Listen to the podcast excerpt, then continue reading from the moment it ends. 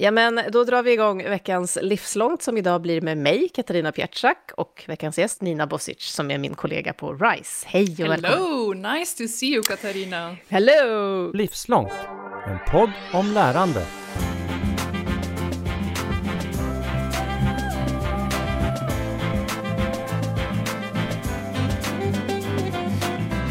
Yeah, nice to see you. And we will go uh, with English for this one. You're a senior researcher, and you will tell a little bit more about that in a minute, but you're so welcome. Uh, so, with your own words, and besides those uh, official titles, how would you, who are you? How would you describe you and what you do? Thank you. This is, this is such a deep question in a way, and you know. I know, I know. It's kind of a signum for this pod. Great. Well, I would say I am. Um, an explorer of life. I think that that would be a good description for me.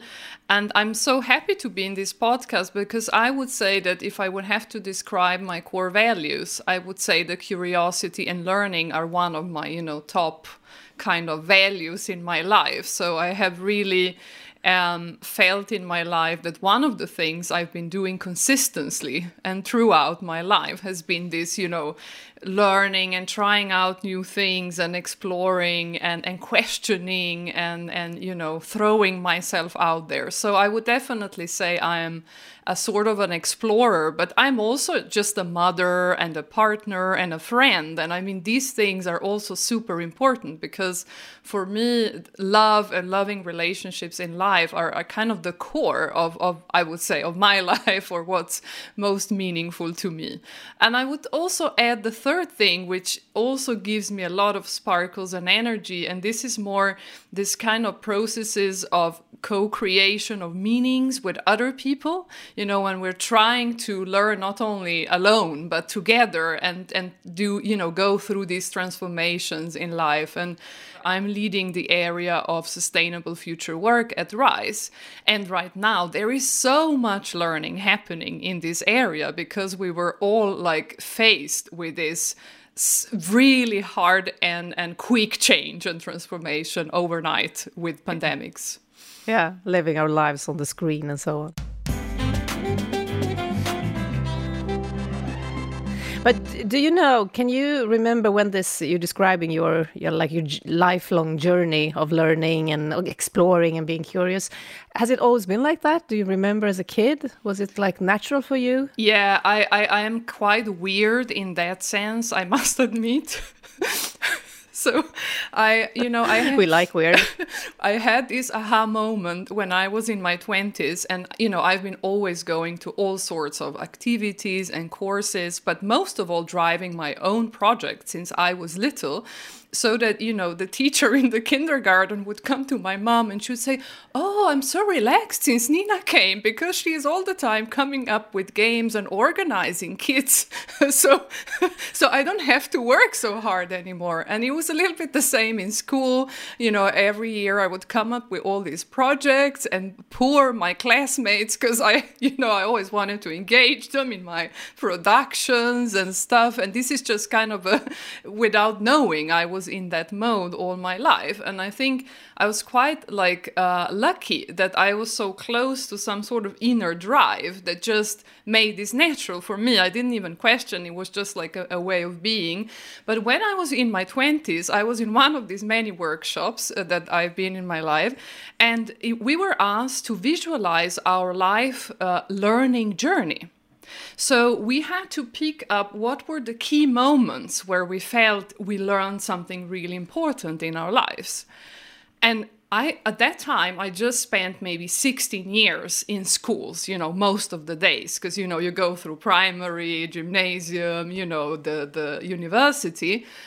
And when I looked at my visualization map, I realized, fuck, not even one of these moments has happened in school even though i spent oh. 16 of, you know years of my li- life uh, in school so i think what i realized is that how i learn best is when i have this like some sort of curiosity or idea or wish to do something And then um, I find ways to work with this and create something together with others. And I need to like find resources, I need to read, I need to learn, I need to bring people together.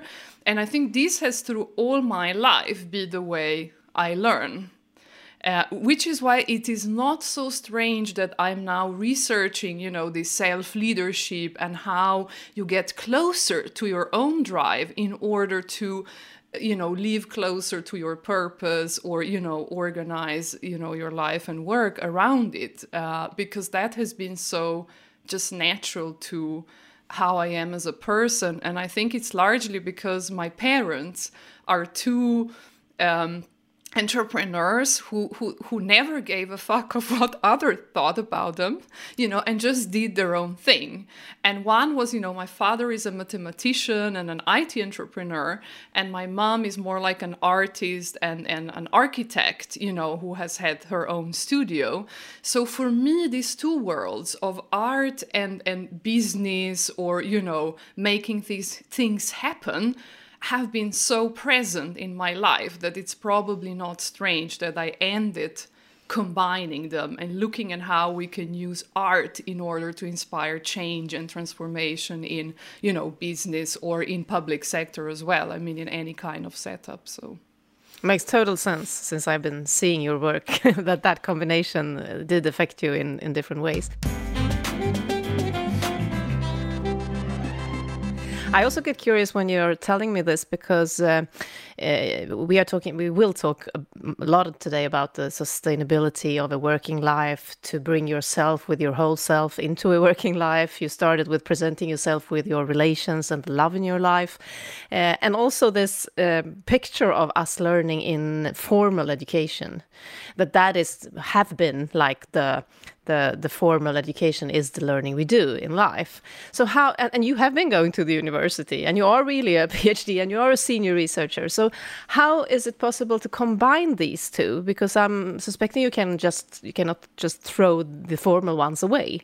So how, how do you do that, living in that combination? Yeah. So I think that. Um, the the research world allows you to actually live from being an explorer. So, you know, getting a salary, being paid to, you know, go out into the world and be curious and, and, and listen and learn and dialogue and reflect and write and do all these things that, that feel so luxurious for a lot of people who have to do it in their, uh, you know, private life or like, uh, you know, when they're off work, so to speak.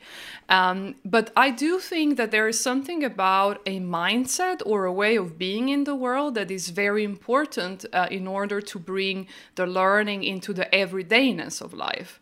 And if it's okay for you, because um, as I mentioned, art is really important for me and is one of these arenas where, you know, uh, potentialities are born, so to speak, for me, I would like to read a poem uh, from Ursula Le Guin, um, which for me a little bit uh, represents this story of being the explorer in the world, this kind of learning mindset that I feel we could all benefit from being with. Would that be okay for you? Go ahead. Um, so it's called Bringing Strange Things. Please come bringing new things. Let very old things come into your hands. Let what you do not know come into your eyes. Let desert sand harden your feet. Let the arch of your feet be the mountains. Let the paths of your fingertips be your maps and the ways you go be the lines on your palms.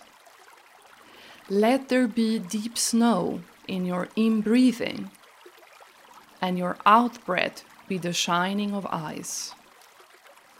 May your mouth contain the shapes of strange words. May you smell food cooking you have not eaten.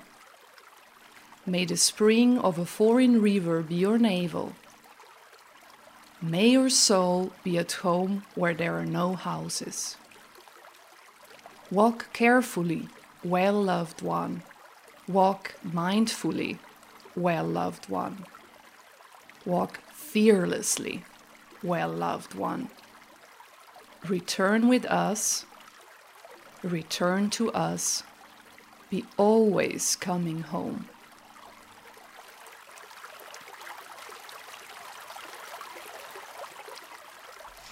Beautiful. What does this say to you? What is the message? I think that um, for me, the message is be open to all these new things and paths and explorations in life, but be feel safe to be courageous and dare to take these risks and go on explorations and try new food and you know smell new smells and you know experience life in new ways because you will always know that there is a home you can come back to.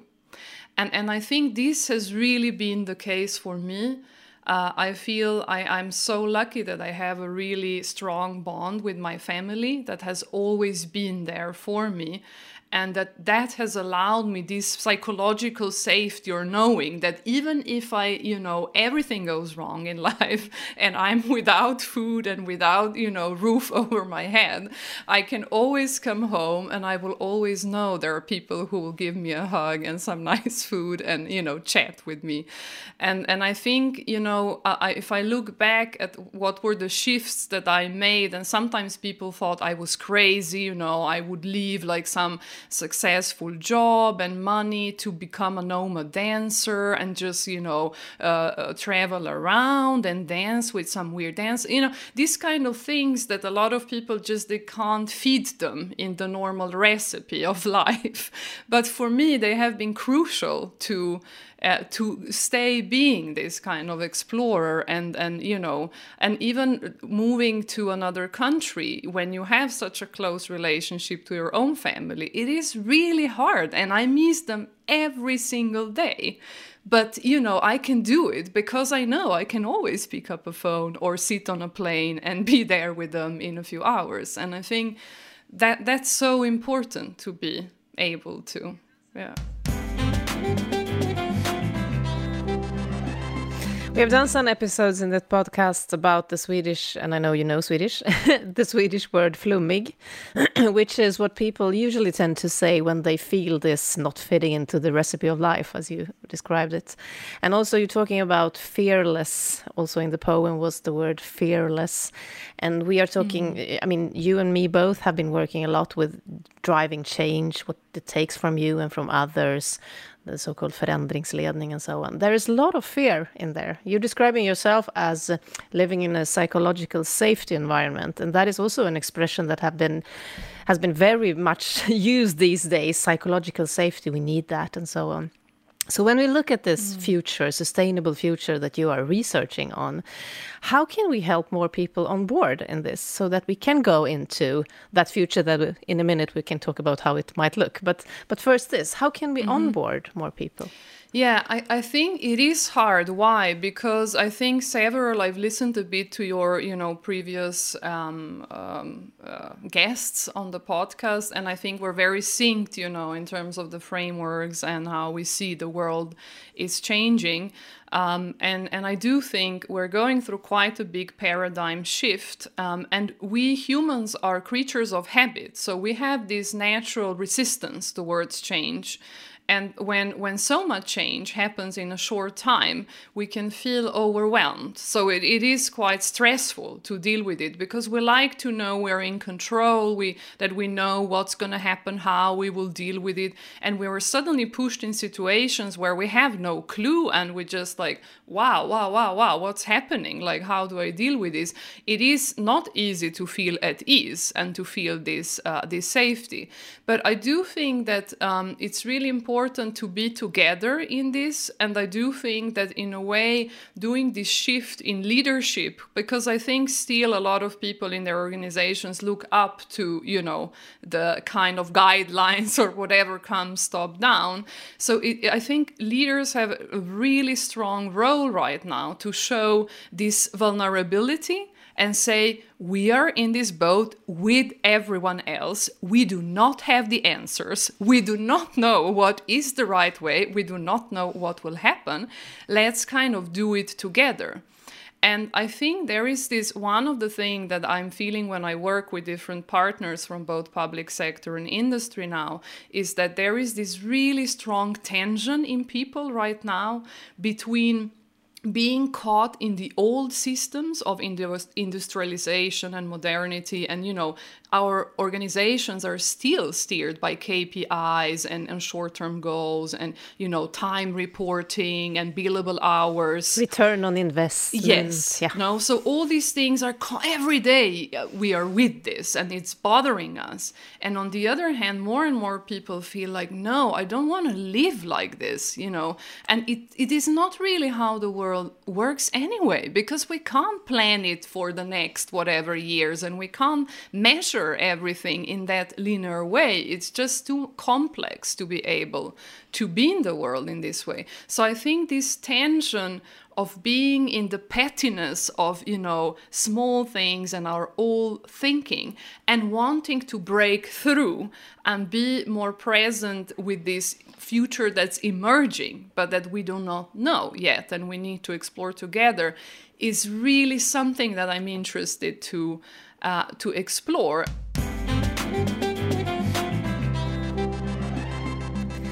So, if we bring this into your view on what you're doing every day at your work and uh, as you described maybe in your life to trying to think about all the non-predictable factors around us looking into the future.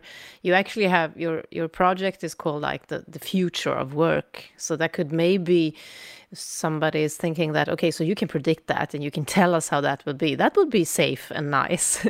But can you describe since your fields are like innovation and management as a researcher how, how do you take that on? How do you take that future on? Yeah, so as as we said before, um, I'm against this perception of time as a resource that we can um, chop in pieces and and you know and plan and control. Um, but nevertheless, of course, uh, this idea of exploring the future and immersing in it and being with it in the present, in a way, as it's happening right now, is very important.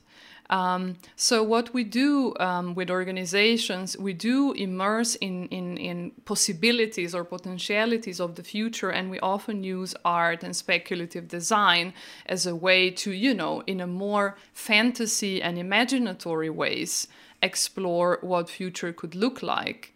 Uh, not with the aim of this measuring risk and controlling it, but rather feeling comfort with this unknowing and going into unknown. And also because we use embodiment methods where we enact these future stories, these speculative fictions, as we call them, about ourselves as future workers um, you know, with all these AI and, you know, other technologies that we fear so much, but also feel excited about, then these experiences become embodied, become kind of the memories of the future that are in our bodies.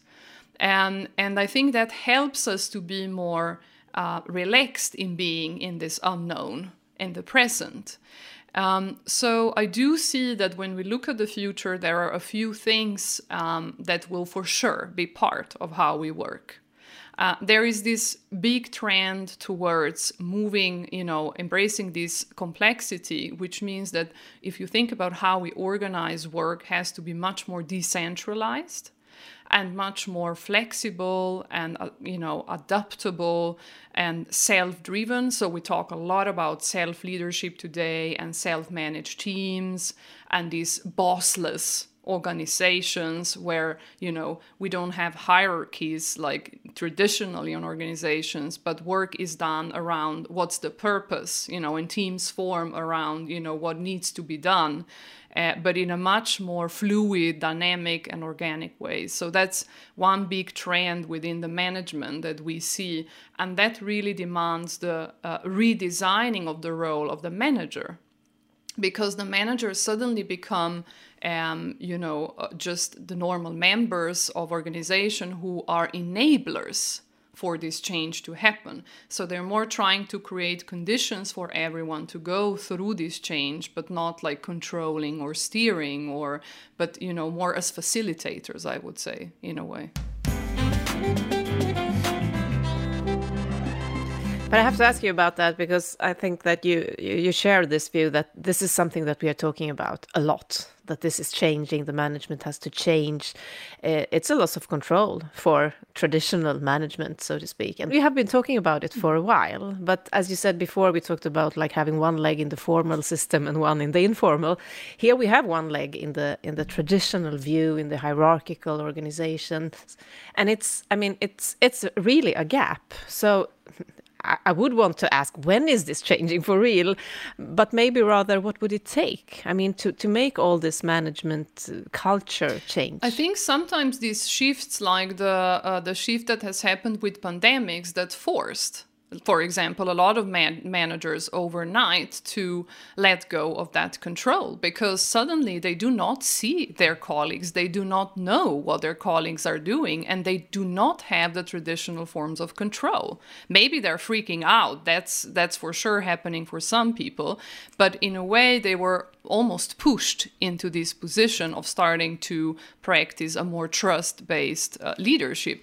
And that's why I must admit, I'm so happy that I'm getting so much requests from the public sector in Sweden today that is really committed to go on this uh, journey of change. It's not going to be easy and it will take time, but I do see this curiosity and willingness to change, which is very um, positive. I would say. And I do think that the pandemics, it's always that the crisis situations force us to change, isn't it? Unfortunately, even though, yeah. as, as you yeah, say, we knew that this is needed for, you know, 30 years or more, I mean, obviously. But, you know, it is now that this is really becoming the mainstream and people are realizing that there is a need to go towards that.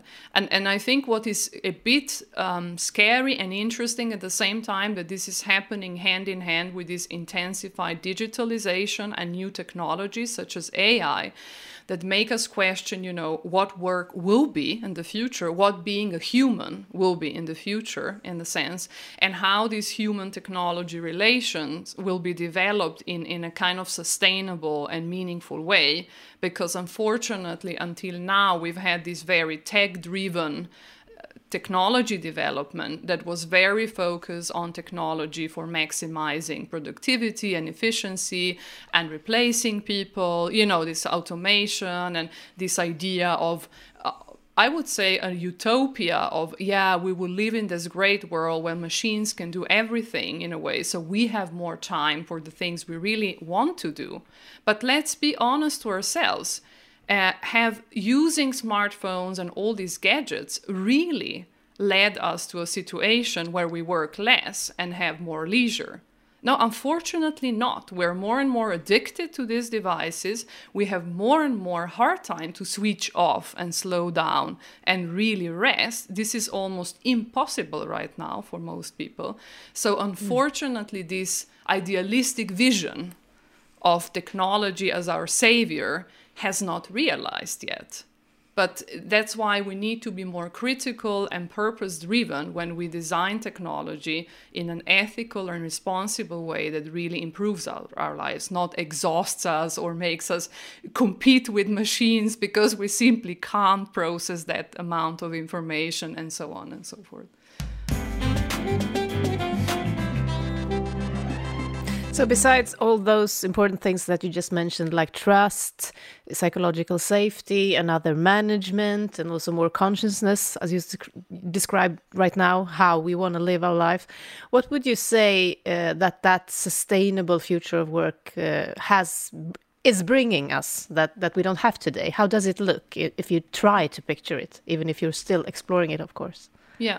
I think if I would try to picture this sustainable future work, I do think there is enormous opportunities with what's happening right now. Um, so if we do it in the right way, it will definitely improve how we work and how we live. But it demands, unfortunately, a much bigger responsibility on from ourselves as individuals because this and this is, goes back to the self leadership and the need to start with ourselves. So every single one of us and this is what i'm trying to do and i'm struggling with. So you know it's not easy. Even though i try to teach others i'm struggling with it myself. But it starts really with i think in, in a world where we're so overloaded with information and all these inputs coming from you know hundreds of channels uh, where we always uh, experience this fear of missing out and not being able to respond to everything that's coming to us um, we need to be really strong in the sense of starting with just clarifying, you know, why am I here? I mean, just this simple, you know, it sounds so cheesy and like, you know, but it really is important. You know, what are my core three values? You know, what is my purpose? Why, you know, what's the impact I'm trying to achieve with the work am I doing? Because if you don't have that really basic compass clear, you cannot prioritize people now everyone i'm working with you know they're so overwhelmed they say you know the hmm. managers mm. say i have like 50 tasks on my list i feel co- the constant stress of not being able to do everything that's expected of me and i'm always behind and i, I always am expected to be in 10 channels at the same time so i can never be present in anything i do so it demands such a self discipline and strength to say, no, I am not doing this. I am not doing this. I'm doing these three things because they are really supporting why I'm here and what I can contribute or want to contribute. And I, and, and I think this is is so important um, uh, to, to to start working more with and clarify because I feel that people are so distracted by all the things that are happening around. And this is what I've learned. I've I worked a lot with artists and especially with contemporary dancers.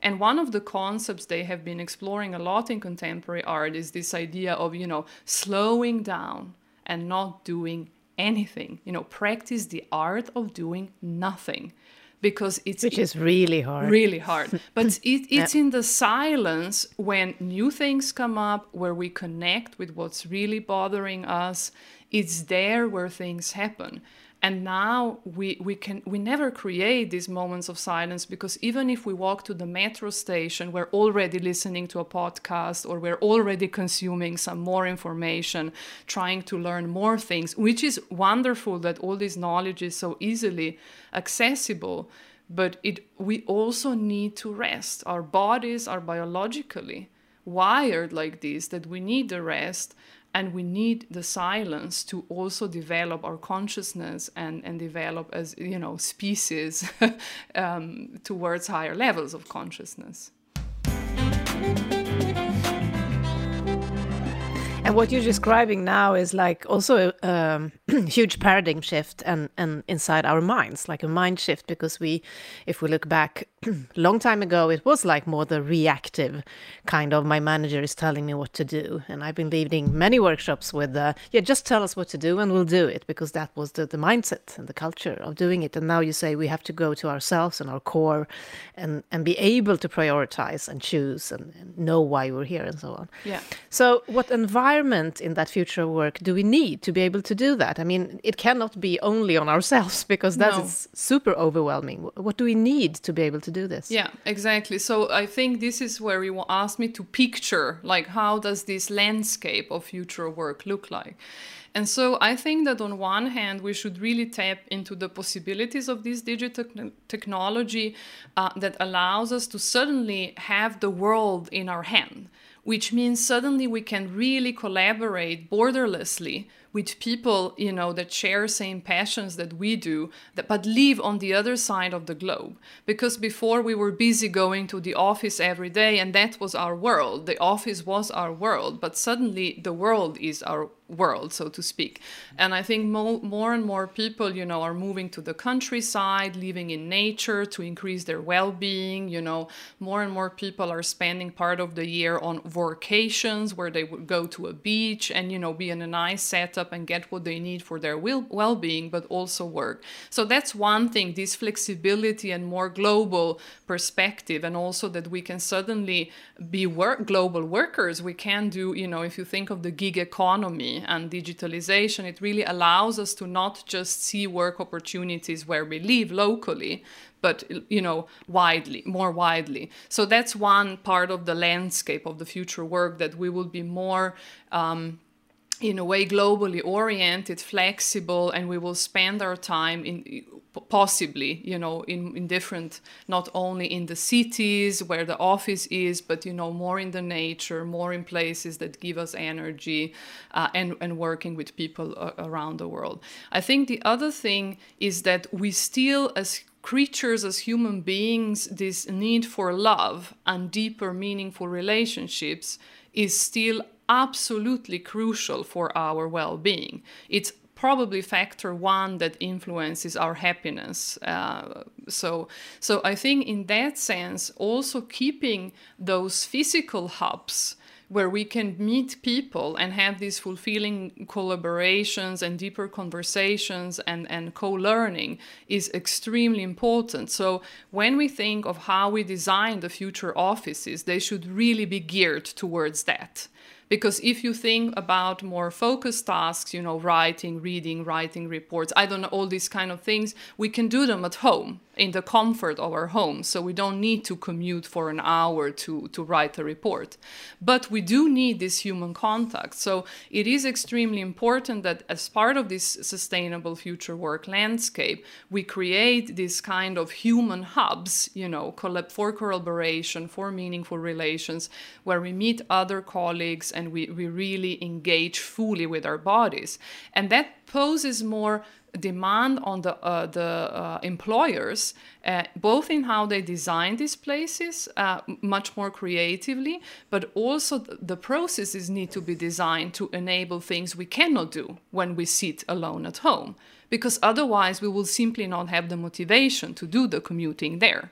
So we need to really, I have to know when I go to the office, I will do this yoga with my colleagues in the morning, and then we will have this workshop where we will work with physical materials and we will create stuff that we cannot create in the online workshop, so to speak. So it is much more uh, effort is needed to design these kind of activities to fulfill the needs that, that people have. Yeah. And then I think another field that's very present in this uh, future work is, as I said, this relationship with technology and how we can design technology as an enabler so it can augment us and it can help us do things we couldn't do ourselves um, like AI, it can you know help us with a lot of tasks, like you know increasing our processing information power and predicting, you know, helping with data analytics and prediction and personalizing service. I mean, I'm not going to go in that, but there is a lot of you know strengths in these technologies. But just how can we use them critically in a way that really supports um, uh, supports our purpose. So if you if you see yourself, Katarina, that you know you're like one day i'm in this amazing office where i'm co-creating with artists and my colleagues and i get so much you know energy from it. And then yes please. you know next day i'm at home in my countryside cottage and i go for a long walk in the nature and i write a text for my next you know podcast or article or whatever you know. And then i'm like oh it's winter so i need to go to thailand for two months you know and i'm going to be working from the beach I mean, in a way, it really gives us so much possibilities, doesn't it? It's just that it yeah. also demands from us that we really put effort into designing this work process and time and how we do it in a way that will really support our needs and the purpose. And since we uh, just finally uh, always come back to the learning angle in this podcast, which is like not has to be expressed because everything you say is about learning, but uh, if we live like this, like you just were describing, if we have this future, if we do this effort, make it happen, what, what do you think that could mean to our ways of looking on lifelong learning, on really learning for a lifelong time? Yeah. So I think the learning will, uh, as you mentioned before, it not anymore is, or it's only partially associated with the formal educational system, but much more with how we show up in the world every day and how we can learn to see potentiality for learning in everything we do in a way if we're curious and open. And i think this is a perfect prompt to end up uh, with a poem that talks about this you know uh, collage and colorfulness of our everydayness and how there are so many opportunities there to learn eh, from our life. So we don't have to do grandiose things to learn. You know if we can integrate the learning in in this how we show up um, and and also this idea of micro learning that you know I, I listen to to something in the morning that gives me energy. And then you know let, us say when I I um, when I go uh, on walks in my lunchtime I usually listen to poetry podcasts just to you know take me on a detour from my production mode and and put me in a more reflective state of mind when I'm in the nature in a way. It's like a perfect way to recharge. So I, I would warmly recommend it as a as a practice. Apart from that, I would also warmly recommend to have an embodied practice in your life, like I do every day. You know, some sort of like yoga, or you know, I have different things that I do, breathing and so on. But uh, just to start the day really fully present in your body, staying with your intention, and then maybe in the evening also really nice to do some sort of like reflective or breathing practice or meditation practice that helps you this slow down wind down for the resting part you know for the night but also to um, yeah i think we live in in a world of anxiety and we really need and stress.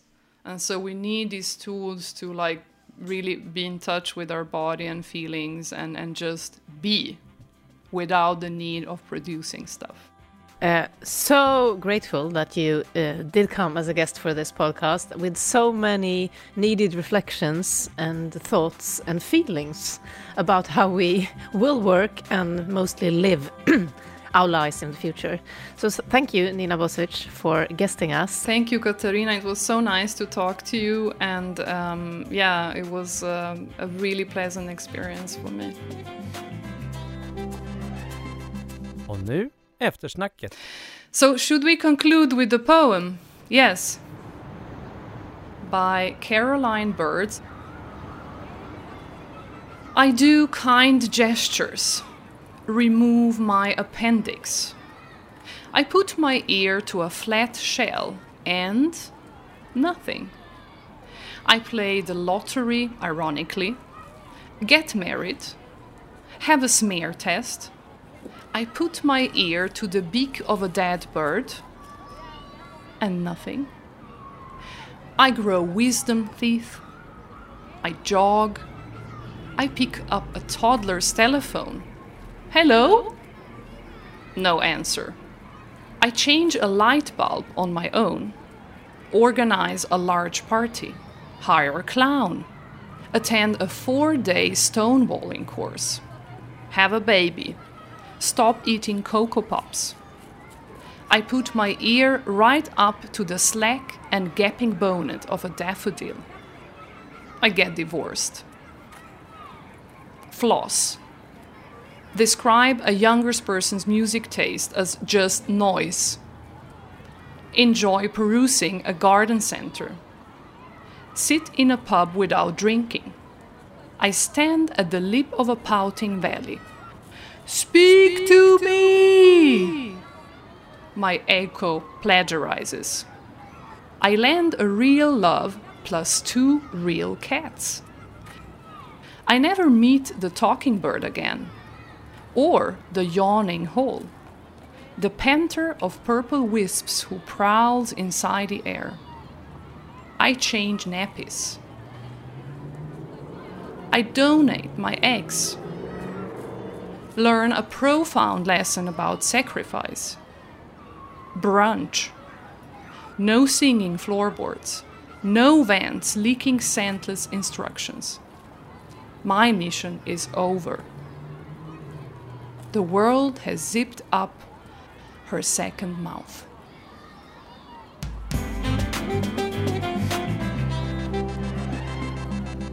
Du har just hört Livslångt, en podd från RISE om allt det där man lär sig i livet. Vi hörs om en vecka igen.